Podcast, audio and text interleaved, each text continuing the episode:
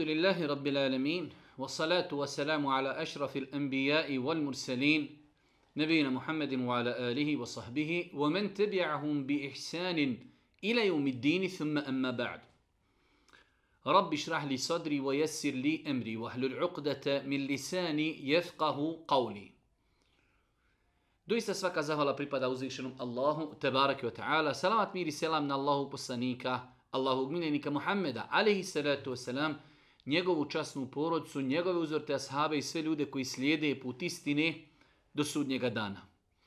Uvažena braćo, poštovani sestre, uvaženi gledatelji, evo nas u još jednoj emisiji u kojoj se družimo sa odabranim kuranskim ajetima. Vjerujem da velik broj vas zna da smo u mjesecu Ramazanu, u deset prvih dana mjeseca Ramazana, započeli ovaj serijal.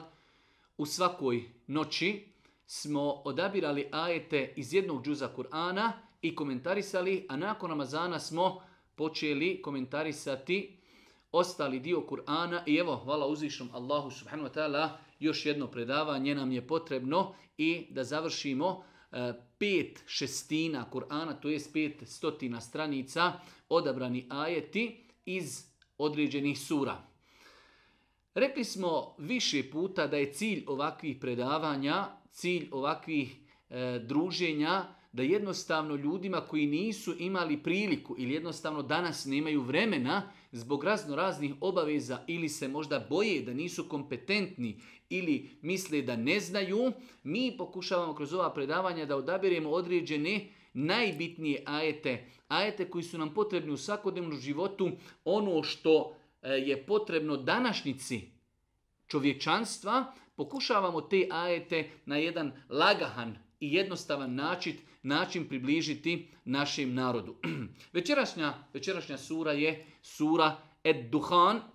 Sura Ed-Duhan je 44. sura, onako kako su sure napisane u Mushafu. Ova sura je 64. sura koja je objavljena Božim poslaniku. Kako ne bi bilo pometnje, mi dosta puta smo to spominjali, E, sure su Božijem poslaniku objavljivane shodno potrebi i večeras ćemo govoriti ako Bog da o tom pitanju kada i kako je objavljen Kur'an, pa su sure objavljivane sa ovodunjalučkog neba Božijem poslaniku shodno potrebi, a onda je Allah poslanik ali se letu vaselam svojim pisarima govorio gdje će koji ajet uvrstiti, gdje će koju suru uvrstiti. Pa večerašnja sura, sura Ed-Duhan, je 44. sura po rasporedu mushafa, ali je to 64. sura objavljena Božijem poslaniku alihi salatu wasalam. Ovo je peta sura koja počinje sa ona dva poznata harfa arapska ha-mim. Imamo sedam sura koje počinju sa ova dva harfa ha-mim. Ovo je peta sura koja počinje sa ova dva harfa. I rekli smo da generalno gledajući, generalno gledajući, ove sure koji počinju sa Hamim, da generalno najviše govori o objavi, svakako, svakako da govori i tretiraju e, mnoga druga pitanja, pa sura Duhan, kao što kažu islamski učenjaci, tretira prvenstveno et jednoću uzvišenog Allaha subhanahu wa ta'ala, tretira proživljenje i tretira tretira poslanstvo, poslanicu Božih poslanika, E, ako bi željeli da rezimiramo e, objavu koja je objavljena u Mekke, onda bi mogli kazati da su ovo možda tri najbitnije stvari e, na koje se fokusira period Mekke, objava u Mekke, a to je teuhid, jednoća uzvišnog Allaha subhanahu kroz različite kontekste, proživljenje i risala, znači kao poslanstvo i poslanica Božih poslanika alihi salatu wasalam.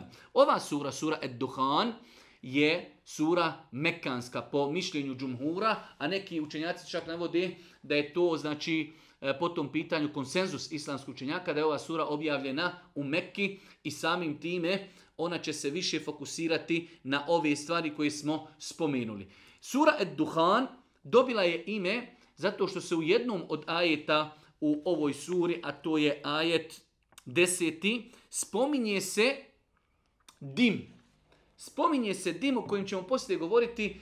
E, neki kažu da je to dim kojeg su kurešije viđale u jednom periodu kada je Boži poslanik dovio protiv njih, pa toliko su bili iznureni, toliko su bili izgladnjeli, da bi gledali u nebo, iako bi nebo bilo vedro, ali bi oni vidjeli, znači priviđao bi im se neki dim. Pa je po jednom mišljenju ova riječ dim, duhan, misli se na duhan i dim kojeg su kurešije viđale i kojim se priviđao onda kada su bile izmorene i izgladnjele. Po nekima je to jedan od predznaka sudnjeg dana, a po nekima se to odnosi na sudnji dan. Ali znači ova riječ duhan nema nikakve veze sa e, terminom koji se danas koristi a to je duhan, nešto što ljudi konzumiraju i nešto što ljudi e, troše u svakodnevnom životu, cigarete i nešto slično tomi. Zato je ova sura i dobila ime e, Ed Duhan, dim, zato što se u njenom desetom ajetu spominje ova riječ. Spominje se riječ duhan u jednoj drugoj suri, ali se spominje u drugom kontekstu i nedavno smo mi o tome govorili da Allah Đelšanu kaže thumme steva ile sema'i vahije duhan u suri Fusilet, 11. ajetu pa je se uzvišeni Allah uzvisio ka nebu kada je završio stvaranje zemlje pa je se uzvisio ka nebu a ono je bilo duhan, bilo je magla, bilo je znači u dimovitom stanju. Pa su islamski učenjaci spomenuli da ova sura Duhan nosi ime zbog toga što se u njenom desetom ajetu spominje što se u njenom desetom ajetu spominje riječ duhan.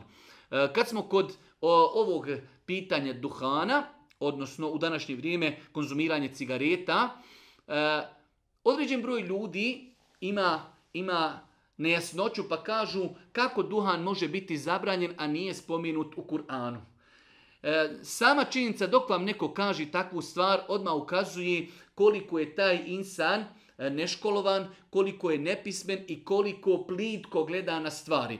E, svakako, ljudi to ne govori zlonamirno, ali to ukazuje koliko su, koliko su nekompetentni i koliko su neškolovani i koliko nisu obrazovani kada je u pitanju šerijetska naobrazba.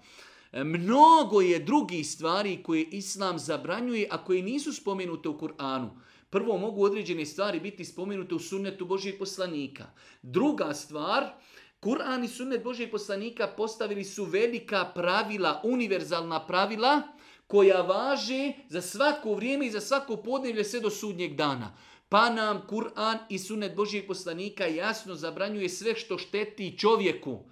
Danas ne postoji na planeti doktor, koji vam neće kazati da duhan i kako šteti čovjeku mnogim njegovim organima, da ne govorimo što duhan šteti i e, znači ljudima koji pasivno puše, to jest nepušačima koji se nalaze u prisustvu pušača. Tako da, Znači, nemoj da nasjednete na onu teoriju i onu tezu da ljudi kažu duha nije spomenut u Koranu, zbog toga je to mekruh. Danas nema učenjaka da je to e, čovjek svjetskog kalibra alim, da kaže duhan je mekruh. U početku kada se tek duhan pojavio, zato što nije bilo razotkriveno koliko konzumiranje duhana šteti čovjeku, pa je bilo učenjaka koji su na početku kazali to je mekruh, pokuđeno. Danas ne postoji učenja koji kaže da je duhan mekruh, da je to alim svjetskog kalibra.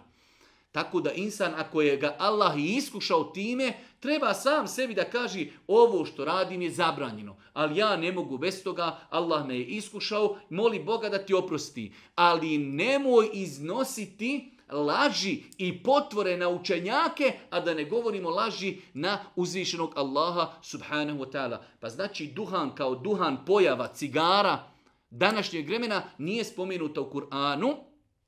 Ova sura Duhan Znači, ne tretira pitanje duhana, onoga koji je poznat nama u današnje vrijeme, već je dobila ova sura ime po riječi duhan koji se spominje u desetom ajetu, koji znači se odnosi na duhan o kojem ćemo ako Bog da poslije govoriti kao dim. Uzvišnji Allah subhanahu wa ta'ala ovu suru, kao rekli smo i sedam drugih sura, započinje sa ona dva harfa ha mim. Allahu poslanik ali se letu u vjerodostojnom hadisu kaže za svaki proučen harf čovjek će imati dobro djelo, a uzvišeni Allah svako dobro djelo desetorostruko nagrađuje i uvećava. Pa kaže Allahu poslanik primjera radi Elif la mim. Kaže nije to samo jedan harf, to su tri harfa. Elif je harf, lam je harf, mim je harf. Tako i ovdje. Hamim. Dok kažemo hamim, mi smo izgovorili dva harfa, to su dva dobra dijela, a zato imamo 20, 20 sevapa, 20 dobrih dijela. Allahu ekber. Samo dok kažemo, učeći Kur'an, hamim, dva harfa puta 10, 20 dobrih dijela, Wallahu yudaifu limen ješa, a Allah povećava svojim robovima dobra djela do 700 puta, a i onome kom je hoće i više od toga. Ha-min. Rekli smo više puta da uzvišnji Allah s.w.t. određene sure u Kur'anu počinje na ovakav način. Dio učenjaka je smatrao da se ovi ajeti ne tumači. Jer e, u pogledu tumačenja tih ajeta nije zabilježeno ništa od Božih poslanika, alihi salatu wasalam.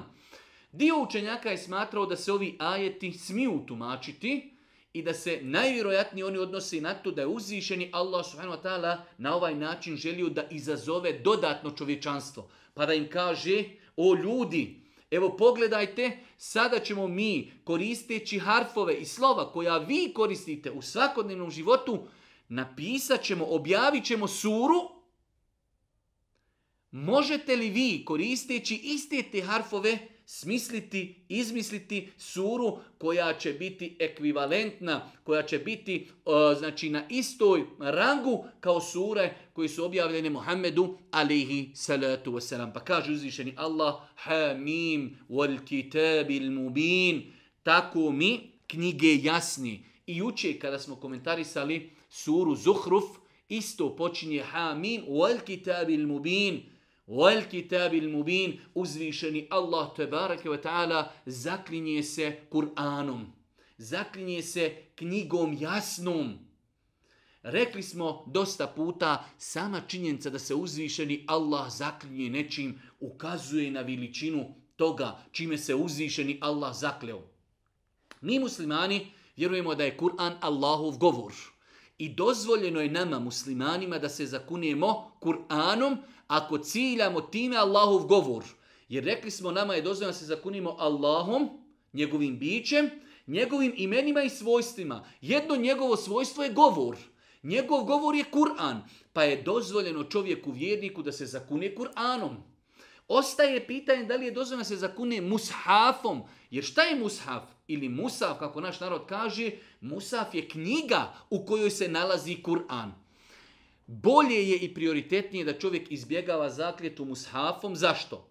Može biti zakljeta mushafom ispravna ako bi čovjek ciljao time govor koji se nalazi u mushafu.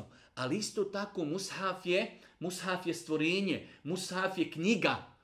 Pa može neko ko ne poznaje ta pitanja shvatiti da je dozvoljeno muslimanima da se zaklinju i ostalim stvorenjima, a rekli smo u više svojih predavanja da nije dozvoljeno se zaklinjati ni majkom, ni ocem, ni kjabom, ni poslanikom, ni suncem, ni mjesecem, mjesecom, ničim osim Allahom i njegovim imenima i svojstvima. Allah Đelešanu se zaklinje i kaže Hamim wal kitabil mubin Tako mi jasni knjige, tako mi, tako mi Kur'ana koji svoje propise i ajete na jasan način iznosi, govori bez ikakve kontradiktornosti. Nakon toga kaže uzvišeni Allah subhanahu wa ta'ala Inna enzelnahu fi lejletin mubarake Inna kunna munzirin Fiha yufraku kullu emrin hakim Emran min indina inna kunna mursilin Rahmeten min rabbik Innehu huwa samiul alim Prvi šest ajeta sure Ad-Duhan im tako mi knjige jasni. Mi smo počeli da je u blagoslovljenoj noći objavljujemo i mi doista opominjemo. Mi smo počeli da objavljujemo koga? Knjigu. Koju? Kur'an u blagoslovljenoj noći. Ovdje je noć u kojoj je objavljen Kur'an nazvana blagoslovljena noć. U drugoj suri mi smo dosta puta govorili Kur'an da bi se ispravno razumio moraju se svi ajeti koji govori o određenom pitanju sabrati na jedno mjesto, pa jedni ajeti druge pojašnjavaju. Inna enzelnahu fi lejletil qadr. Mi smo ga objavili u noći kadera. A ovo ja, u ovoj suri Allah kaže mi smo ga objavili u noći blagoslovljenoj. Nema kontradiktornosti. Kur'an je objavljen u noći Lejletul kadar, koja je svakako blagoslovljena noć. Pa nam znači uzvišeni Allah u suri Duhan kaže Inna enzelnahu fi lejletin mubaroke, inna kunna munzirin Mi smo počeli da je objavljujemo u blagoslovljenoj noći. Koja je to noć? Noć lejletul qadr. Allah Đeršanu kaže lejletul qadr. Hajru min elfi šehr. Ta noć je bolja od hiljadu mjeseci. Allahu ekber. Kolika je Allahova milost prema nama. Dao nam je u toku godine, u zadnjoj trećini mjeseca Ramazana noć koja je vrijednija od hiljedu mjeseci. I badet u toj noći koja se nalazi u zadnjoj trećini mjeseca Ramazana vrijedniji je od ibadeta hiljadu mjeseci u kojima nema te večeri Liletul Qadr. Kaže uzvišeni Allah, mi smo ga objavili u noći Kader. Dobro, kako je objavljen u noći kader, a mi znamo da je Božijem poslaniku objavljivan tokom 23 godine poslaničkog života. Jer je Božijem poslaniku Kur'an počeo da se objavljuje u 40. godini do 63. godine 23 godine objavi. Allah on kaže mi smo ga objavili u noći kader. Šta to znači? Mi smo ga objavili iznad sedmog neba, iz knjige Leuhi Mahfuz, na dunjalučko nebo, kompletnog, nakon toga je sa dunjalučkog neba Božijem poslaniku objavljivan u toku 23 godine posredstvom Džibrila alihi salatu wasalam. Pogledajte kako je Islam savršen, kako je lijep, kako je potpun, kako nema kolizije. Neko bi sada mogao ovaj ajed da sati i kaže kako Allah je objavio Kur'an u noći kadera, a mi znamo da je objavljivane su sure i mimo noći kadera. Pa je ispravno razumijevanje kada jedne ajete tumačimo drugim, da je objavljen Kur'an sa nebesa, sedmog neba, iz leuhi mahfuva, iz čuvane knjige, objavljene na dunjalučko nebo.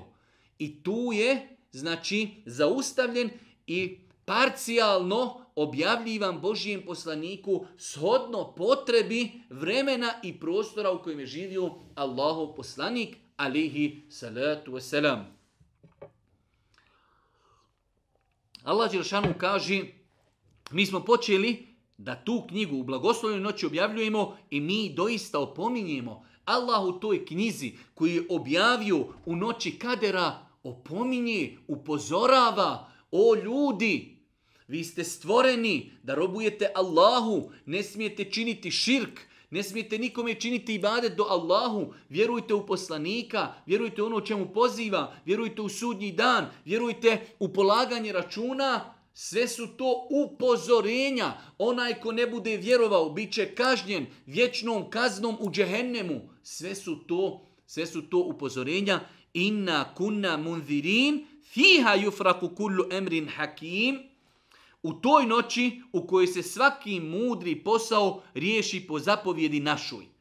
Znači, u noći Lejletul Kader se definiši i objavi sa nebesa, sedmog neba, na Dunjalučko nebo se objavi sve šta će se desiti u toku naredne godine, sve, znači do sljedeće noći Lejletul Kadera. U noći Kadera se objavljuje sudbina, objavljuje se kader, godišnji kader. Svake godine mi imamo Ramazan i svake godine imamo noć Lejletul Kader i svake godine u noći Lejletul Kader bude objavljeno ono što će se desiti tokom jedne cijele godine, dokle će ko živjeti, šta će ko zaraditi i tako dalje. Emram min indina inna kunna mursilin mi smo zaista slali poslanike kao milost gospodara tvoga, on uistinu sve čuje i sve zna. Mi smo zaista slali poslanike. Allah je taj koji je slao svoje poslanike iz milosti prema ljudima. Ljudi kada žive određen period bez poslanika, bez poslanice, šeitan ih zavede, odvede ih od Allaha, odvede ih u grijehe, e, uljepša im nepokornost pa im je uzvišeni Allah iz milosti prema njima slao im je svoje poslanike. Rekli smo mnogo puta da je osnovna zadaća poslanika bila dvoje. Da ljudima pojasni ko je njihov gospodar. Da je njihov gospodar uzvišeni Allah subhanahu wa ta'ala i da im pojasni kako i na koji način će robovati svome gospodaru. Kako će mu ibadete činiti. To su dvije osnovne stvari zbog kojih su dolazili poslanici. Da ljude pozovu teuhidu, da ih pozovu da vjeruju u Allaha, da ih pozovu da ne smiju učiniti širk Allahu te ta'ala i da im pojasni praktično kako i na koji način da robuju uzvišenom Allahu subhanahu wa ta'ala.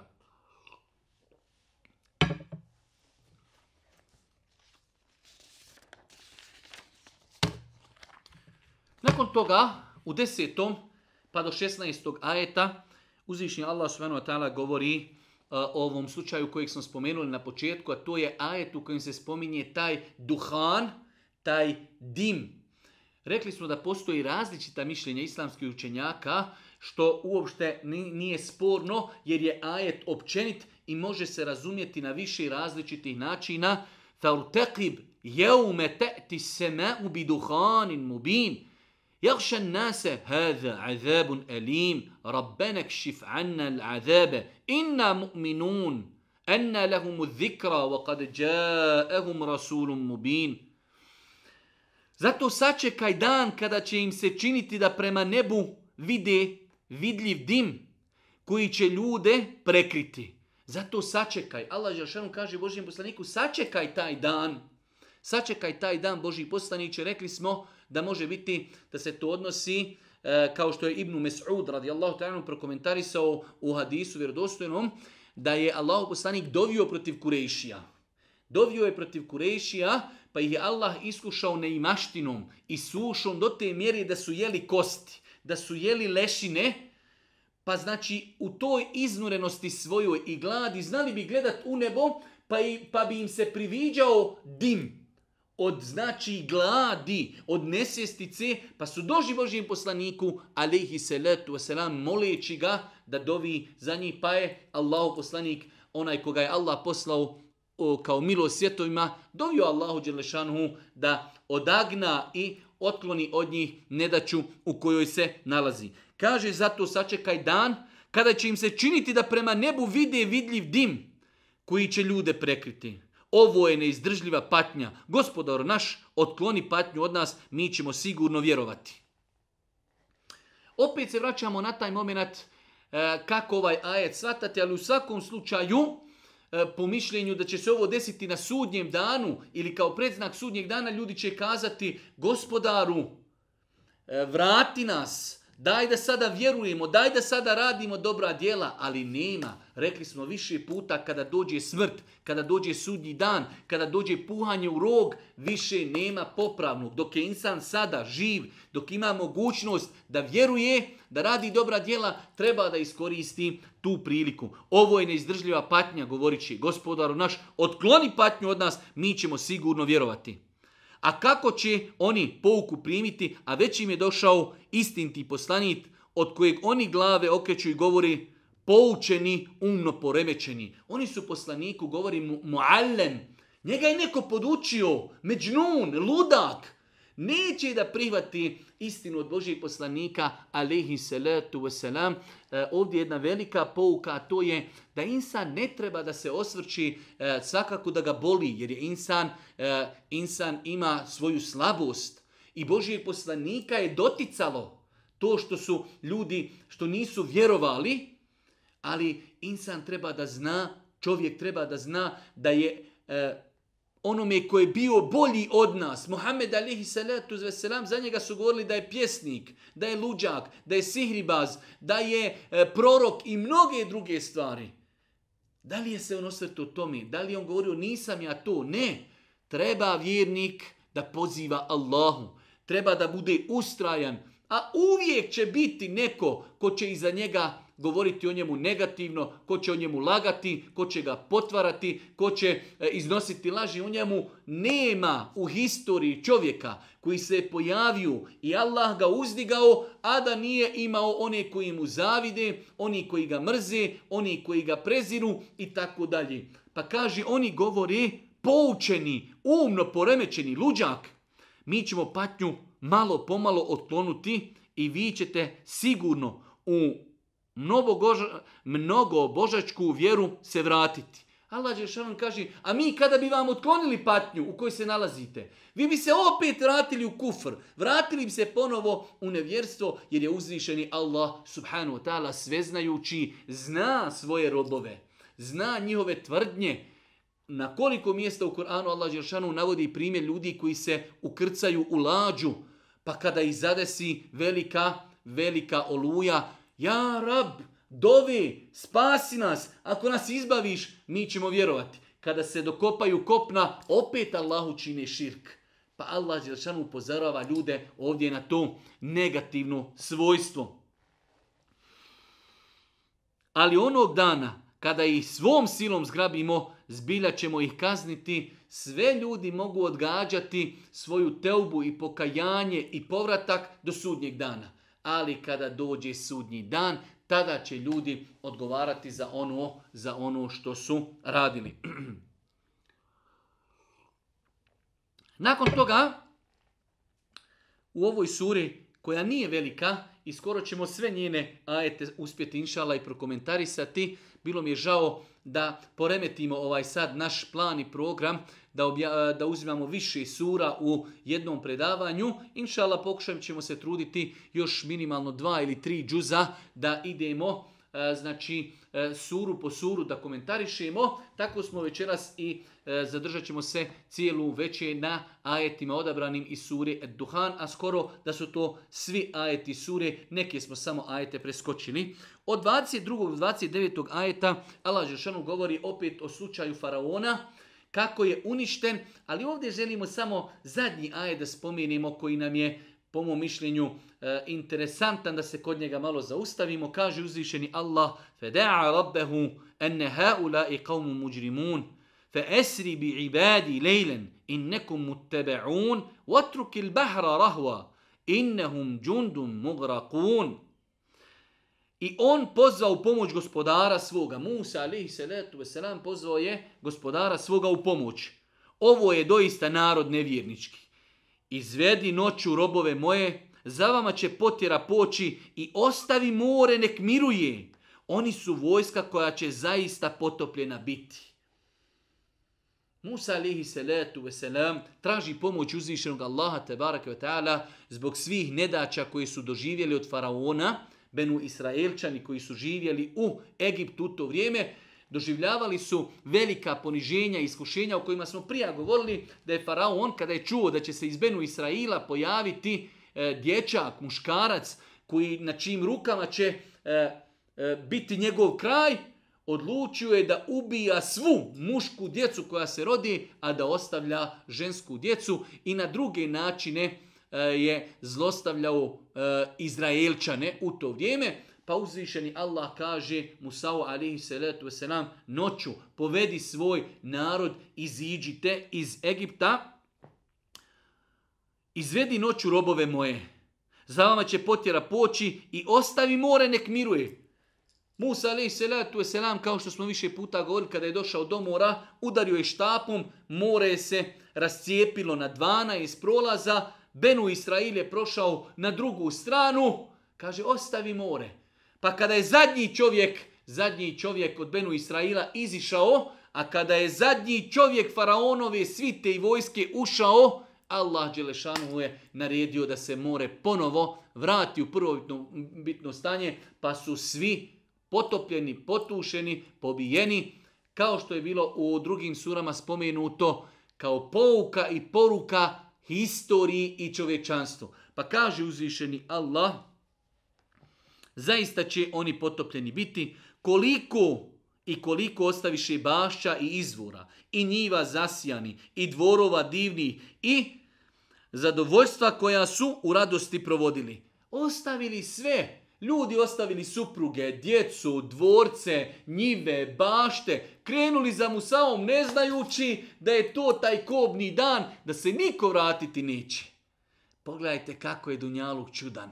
Kako preko noći, kako preko noći može nestati, pa insan treba da se priprema, pogotovo u današnje vrijeme auta, saobraćajne nesreće, ratovi, protjerivanja, ne zna insan dokada će živjeti. Zato najbolji metod jeste da čovjek bude kontinuirano pokoran uzvišenom Allahu te taala pa kaže uzvišeni Allah subhanahu wa taala tako to bi i mi smo to u nasljedstvo drugima ostavili tako je bilo Uništili smo faraona i uništili smo njegovu vojsku i sve to drugima ostavili nasljedstvo. O Allahov robe, trčiš, letiš, radiš.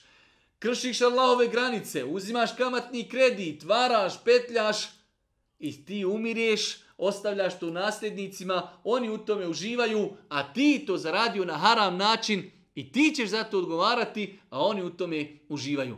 I onda na kraju kaže uzvišeni Allah, فما بكت عليهم السماء والأرض وما كانوا مُنْوَارِينَ Ni nebo ni zemlja nisu oplakivali i nisu pošteđeni bili. Allahu akbar. Allah Žešanu ovdje govori o faraonovim e, vojnicima i njemu samim.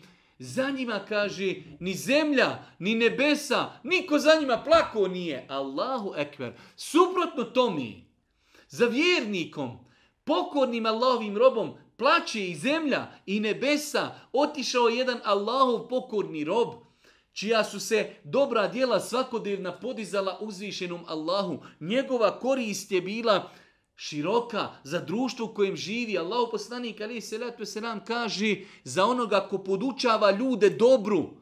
Dove stanovnici zemlje, stanovnici nebesa, ribe u vodi, mravi u svome mravinjaku, dove za onoga ko ljude podučava hajru. Pa kada takvi ljudi odu, nedostaju, nedostaju zemlji po kojoj su hodili, nedostaju komšiluku, nedostaju narodu, nedostaju nebesima gdje su se njihova dobra djela uzdizala. A ovi, faraonovi, kaže, za njima ni nebesa, ni zemlja, niko plako nije. Allahu ekber. Insan treba sebi da postavi pitanje ko je i šta je kakav je njegov rejting i kod ljudi, a njegov rejting kod Allaha. Kada odi, šta će ostaviti za sebe? Hoće li ostaviti za sebe hajili djecu? Hoće li ostaviti za sebe vakufe? Hoće li ostaviti za sebe znanje i ilm? Hoće li ostaviti za sebe projekte koje on pokrenuo? Ili će otići sa Dunjaluka, za njega se ne zna. Onog dana kada umri, zaboravljen, ili će to biti neko koga će ljudi stotinama i hiljadama godina u historiju spominjati. Pogledajte danas Gazi Husredbe kad se spomeni, šta nam prvo naupadni. Medresa, džamija, bezistan, osvajanja i tako dalje. Šta ćemo mi ostaviti za sebe? Hoće li za nama plakati zemlja i nebesa? Ili ćemo mi samo onog dana kada umrijemo kazat će se jedan manji na planeti i mirna, mirna Bosna.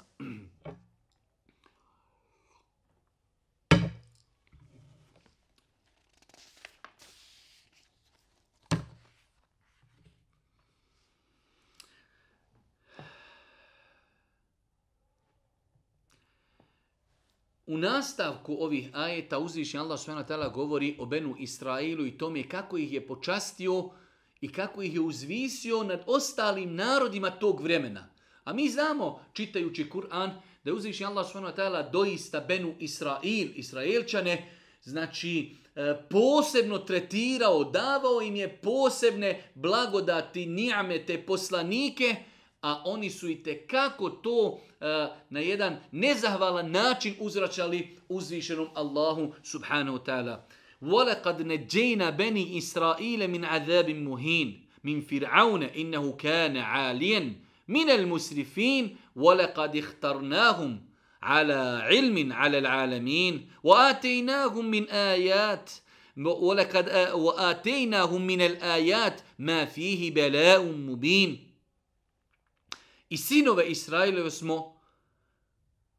ponižavajući patnje spasili od faraona. Allah Jeršanu navodi to kao nijamet, kao blagodat sinove Israilove, Benu Israil, mi smo ih spasili od faraona. Allah je taj koji ga je utopio i potopio. Šta mi trebamo onog momenta kada nas Allah sačuva i pomogne, Trebamo biti zahvalni, trebamo se vratiti Allahu, trebamo iskreni biti prema njemu, a ne da kujemo spletke, ne da varavo, ne da filozofiramo, kao što je navedeno mnogo primjera u Kur'anu kako su Benu Israil uzvišenom Allahu na nezahvalan način uzračali to što ih je počastio raznoraznim njametima, ubijali su poslanike. Pa imamo one primjere kako su Zabranjeno im da subotom pecaju ribe, pa su petkom bacali mrežu, a nedjeljom je vadili, nismo, nismo pecali subotom. Pa na razno razne načine su izbjegavali pokornost uzvišenom Allahu, pa im Allah Želšanu na više mjesta navodi nijamete i blagodati kojima ih je počastio, pa kaže, a sinove israivolove smo ponižavajući patnje spasi od faraona. On je bio gord, jedan od onih koji su u zlu svaku mjeru prevršili. I znajući kakvi su, između savremenika smo ih odabrali. Allah je znao kakvi su, ali opet davao im je novu šansu. Odabrao ih je, poslanike među njih je slao, a oni su ubijali kao što je došlo čak u nekim hadisima, dnevno su ubijali velik broj poslanika koje je uzvišeni Allah slao tim ljudima i neka znamenja puna očite blagosti koja su bila jasni ispit za njih smo im dali. Allah im dao znamenja, kao što se navodi u tefsirima, Allah im je dao znamenja, dao im je ajete, a u tome je za njih bio ma fiha beleum mubin. Kažu mu fesiri, iskušenje može biti i blagostanje, a iskušenje može biti i musivet. Pa je Allah davao različite ajete Benu Israilu kao vid ispita kojeg, nažalost, u velikom broju slučajeva nisu položili kod uzvišenog Allaha. Nakon toga uzvišeni Allah taala govori o, govori o mušicima i njihovim riječima Božijem poslaniku pa kaže Inne leje la yaqulun إن هي إلا موتتنا الأولى وما نحن بمنشرين فأتوا بآبائنا إن كنتم صادقين أهم خير أم قوم تبع والذين من قبلهم أهلكناهم إنهم كانوا مجرمين A ovi, kurejšije, doista govori, postoji samo naša prva smrt, mi nećemo biti oživljeni. Kurešije su imali jedan veliki problem, a to je vjerovanje u sudnji dan, vjerovanje u proživljenje.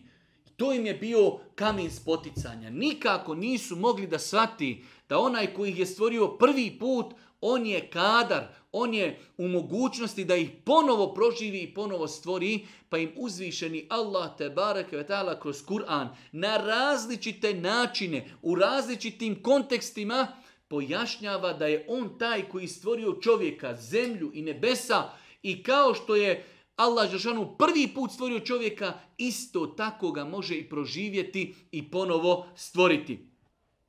Kaže, oni govori kurešije, postoji samo prva smrt, mi nećemo biti oživljeni. Pretke naše nam dovedite ako je istina to što govorite. Pogledajte vi oholosti. Oni kažu, ako Allah može proživjeti nekog, gdje nam dovedite naše pretke? Ama mi govorimo da će Allah ljude proživjeti pred sudnji dan.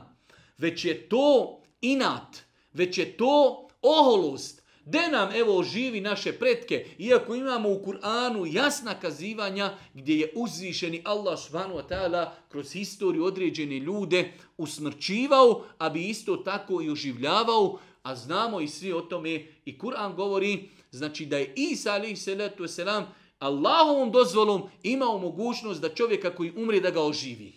Imao je mogućnost da čovjek koji je bolestan da ga ozdravi i izliječi.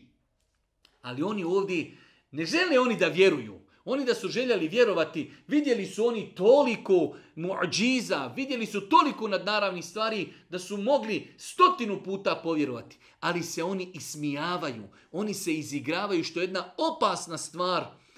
To čovjeku čini srce da bude zapečeć i smijavanje sa vjerom, izigravanje sa vjerom. Pa oni Božijim poslaniku kažu, da eto, ako je to tačno, daj, proživite nam naše predake.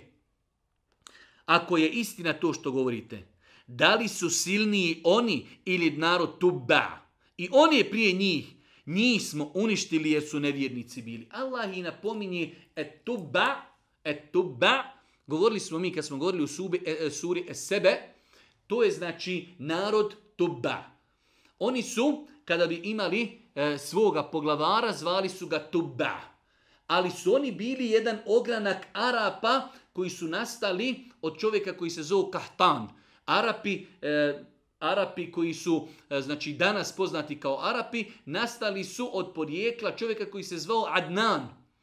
Pa im Allah navodi primjer jednog ogranka Arapa kojeg oni znaju, pa im kaže jeste li vi jači od njih, jeste li vi moćni od njih, a mi smo sve te ljude zbog njihove nepokornosti i njihove nevjernosti uništili. Hoćete li da i vas uništimo kao što smo uništili njih zbog njihovog nevjerovanja? Pa uzvišeni Allah subhanu wa ta'ala ovim ajetima razjašnjava nejasnoće koje imaju kurešije da li uzvišeni Allah subhanahu može proživjeti pa im na kraju uzvišeni Allah i prijeti Hoćete li, vi ste čuli za dešavanja, historijski se prenosi, šta je bilo tim narodima prijašnjim, kako su uništeni, eno njihove nastambe, zašto ne putujete, zašto ne vidite, i vama se prijeti istom prijetnjom ako budete nevjernici.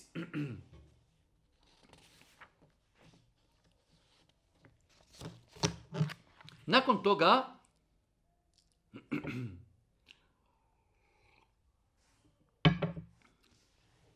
uzvišnji Allah u 40. do 42. ajta govori o sudnjem danu pa kaže Inne jeumel fasli miqatuhum ejma'in jeume la yugni mevla am mevlan še'a Wala hum yunsarun illa man rahim Allah. Innehu huel azizur rahim. Dan sudnji će svima njima rok određen biti. Jeumel fasl. Dan kada će se polagati računi. Dan kada će se parnice rješavati. Jeumul fasl. Sudnji dan to je termin već određeni. Pa kaže uzvišeni Allah dan sudnji će svima njima rok određeni biti.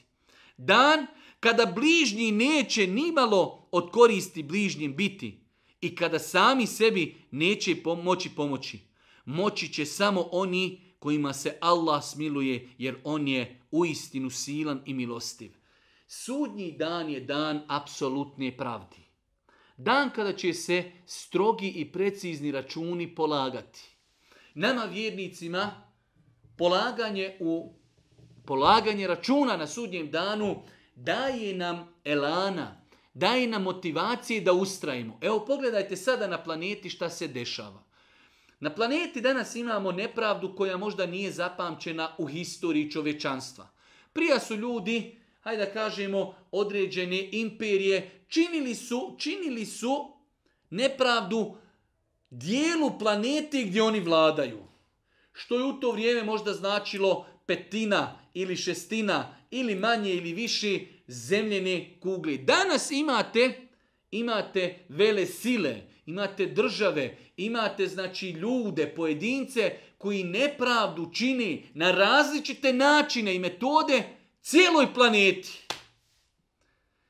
Pa je dan sudnji, dan polaganja računa insanu daje morala, daje mu snage da ustraji, doći će dan kada će se onaj trun kojeg insan uradio vidjet će se. Nemoj da se bojite. Kod Allaha subhanahu wa ta'ala precizni računi će se polagati. Džehennem je izuzetno dubok.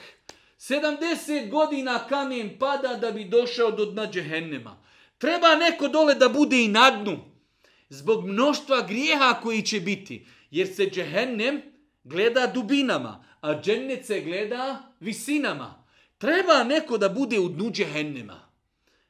Imamo danas ljudi, Allah najbolje zna, ne možemo reći pojedinačno, ali koji toliko nepravde čini da je nemoguća misija osim da budu na dnu džehennema. Zbog svega šta su uradili čovječanstvu. Pa insan kada čita ajete o sudnjem danu, ko uradi trun dobra, vidjet će ga. Ali ko uradi trun zla, vidjet će ga. Sada na Dunjaluku ljudi se protjeruju, ljudi se iskorištavaju, njihova, pri, njihovi prirodni resursi, se kradu, ljudima se o, uskraćuju osnovna ljudska prava i to prođe, niko to ne vidi. Vide melek, vidi uzvišeni Allah, vidi i zna zemlja po kojoj se to čini. Sve će to svjedočiti na sudnjem danu.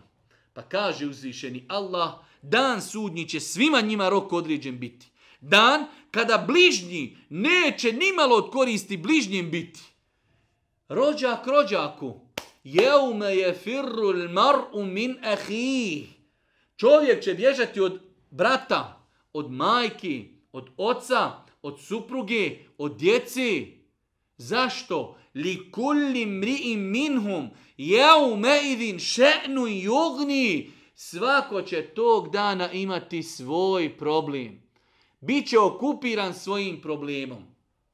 Pa kaže uzvišeni Allah subhanahu i kada sami sebi neće moći pomoći, moći će samo oni kojima se Allah smiluje Moći će i uspjeće onaj kome se Allah smiluje. A Allahova milost, kao što je došlo u znači predajama Allah poslanika kaže niko od nas u džennet neće ući svojim dijelima. Kažu asabi, hata ente ja Allah, čak ni ti poslaniće, čak ni ja. Osim ako mi se Allah smiluje. Pa se u džennet ulazi Allahovom milošću ali se Allahova milost zaslužuje pokornošću, ibadetom, iskrenošću, čistim srcom, pokornošću, ostavljanju grijeha. Nemojte da vas neko zavara, pa da vam kaže bitno vam je čisto srce i Allah će vam se smilovati. Pogledajte mi danas kada imamo svoju djecu. Kojem djetetu se mi prija smilujemo? Djetetu koje je pokorno, koji sluša, koji je čestito i djetetu koje nas nikad u životu poslušalo nije. Što god mu reknemo naopako. Kojem ćemo se mi djetetu prije smilovati? Normalno ćemo se smilovati prije i tolerisati neku grešku onom djetetu koje je se trudilo, koje je e, ispunjavalo ono što smo mi od njega tražili. Moći će samo oni kojima se Allah smiluje jer on je u istinu silan, ali isto tako milostiv. Silan je, ne može ga niko spriječiti da se sprovede ono što on presudi. Ali isto tako milostiv je prema svojim robovima. I na kraju ovog našeg druženja, opet kao i u sinošnjem predavanju Suri Zuhruf, Allah govori o dvije kategorije ljudi. Govori o džahenemlijama i njihovoj patnji i govori o dženetljama i njihovom uživanju. Pročitat ćemo te ajete i ako Bog da time završiti druženje. Kaže uzvišeni Allah u 43. do 50. ajeta, 17 ajeta, Inne šeđara te zekumi ta'amu l'ethim, kel muhli jagli fil buton, kel galji el hamim, huduhu, fa'tiluhu, ila seva il džahim, ثم صبوا فوق رأسه من عذاب الحميم ذق إنك أنت العزيز الكريم Inne hadha ma kuntum bihi temtarun. Govori uzvišeni Allahu nekoliko ajeta o načinima kako će se kažnjavati ljudi u džehennemu. Šta je cilj toga? Da mi danas se preispitamo, da se danas zastrašimo, da se danas pripremamo i da danas strahujemo džehennema. Drvo zekum bit će hrana griješniku. U trbu će kao rastopljena kovina vrijeti u trbu kada čovjek pojede zekum, on će vrijeti kao kovina. Kao što voda kada ključa vrije. Ščepajte ga i usred ognja na leđima odvucite, a zatim za kaznu na glavu ključalu vodu izlijte. Jedna od kazni u džehennemu je hem što gori u vatri, vrućom vodom ga posipaju po glavi. Okušaj ti si u istinu pod navodnim znacima moćni i poštovani. Ovo je zaista ono što ste, u šta ste sumnjali.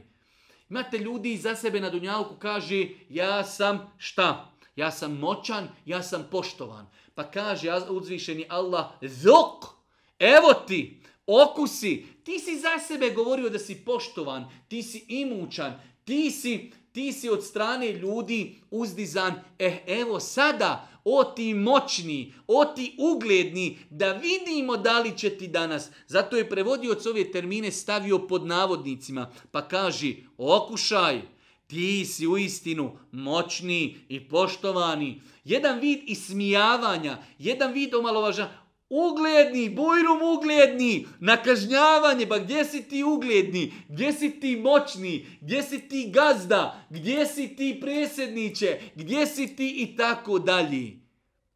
Zoko!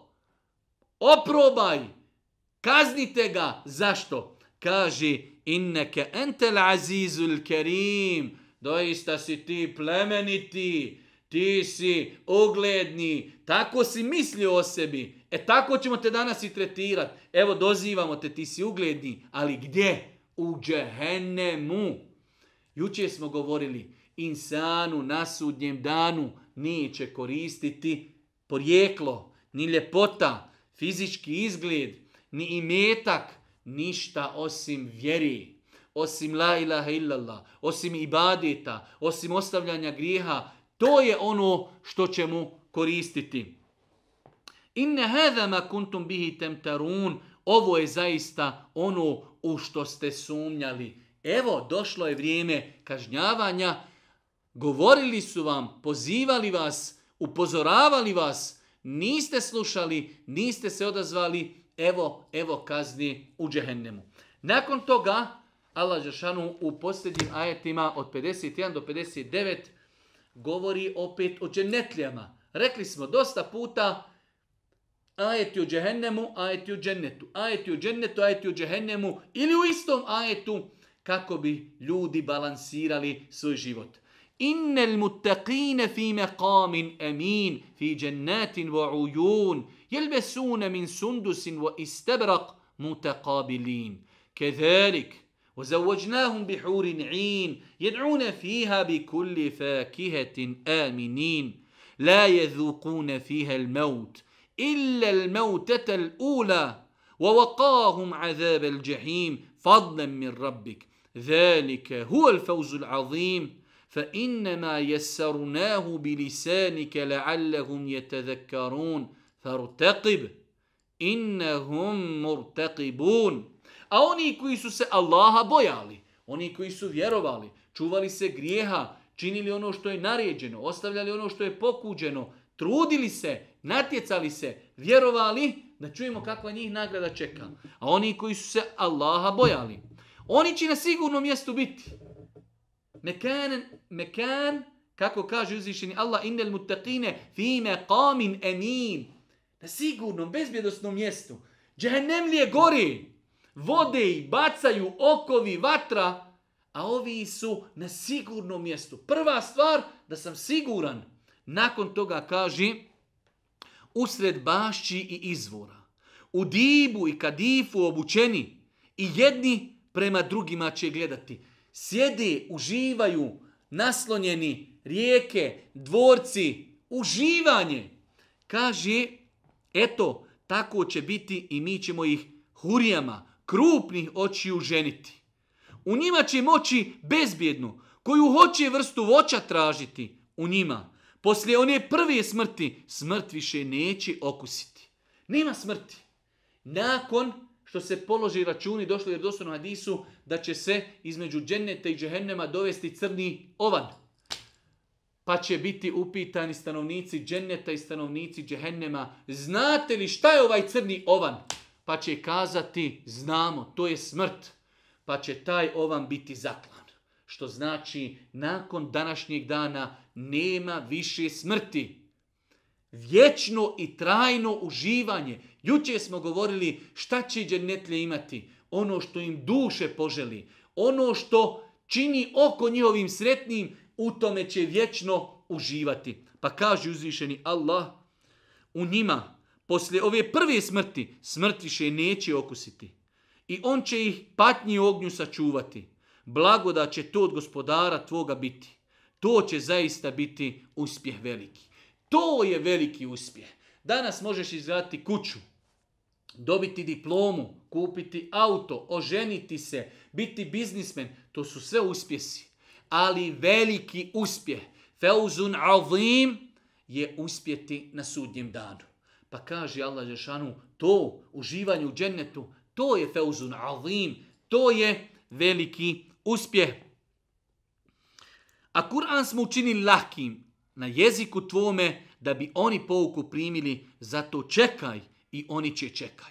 Mi smo Kur'an objavili na arapskom jeziku da bi razumjeli i da pouku uzeli. Evo, alhamdulillah, danas u ovoj našoj Bosni dalekoj imamo Kur'an. Možemo ga čitati, možemo ga učiti, možemo pouku uzeti, a možemo glavu okrenuti. Pa kaže uzvišeni Allah na kraju, فَرْتَقِبْ Innehu murtaqibun. Sačekajte vi. Ali i oni neka čekaju. Vidjet ćete vi kako će završiti vjernici, a kako će završiti nevjernici i na Dunjaluku i na Ahiretu. Molimo Allaha da nas usmrti u islamu i u imanu. Molimo ga subhanahu da nas učesti na putu istine. Molimo ga subhanahu da Kur'an učini projećem naših srca, da se smiluje naša, nama i našim porodcima, našim potomstvu. Na kraju subhanahu Allahumma da bihamdike. أشهد أن لا إله إلا أنت أستغفرك وأتوب إليك آه.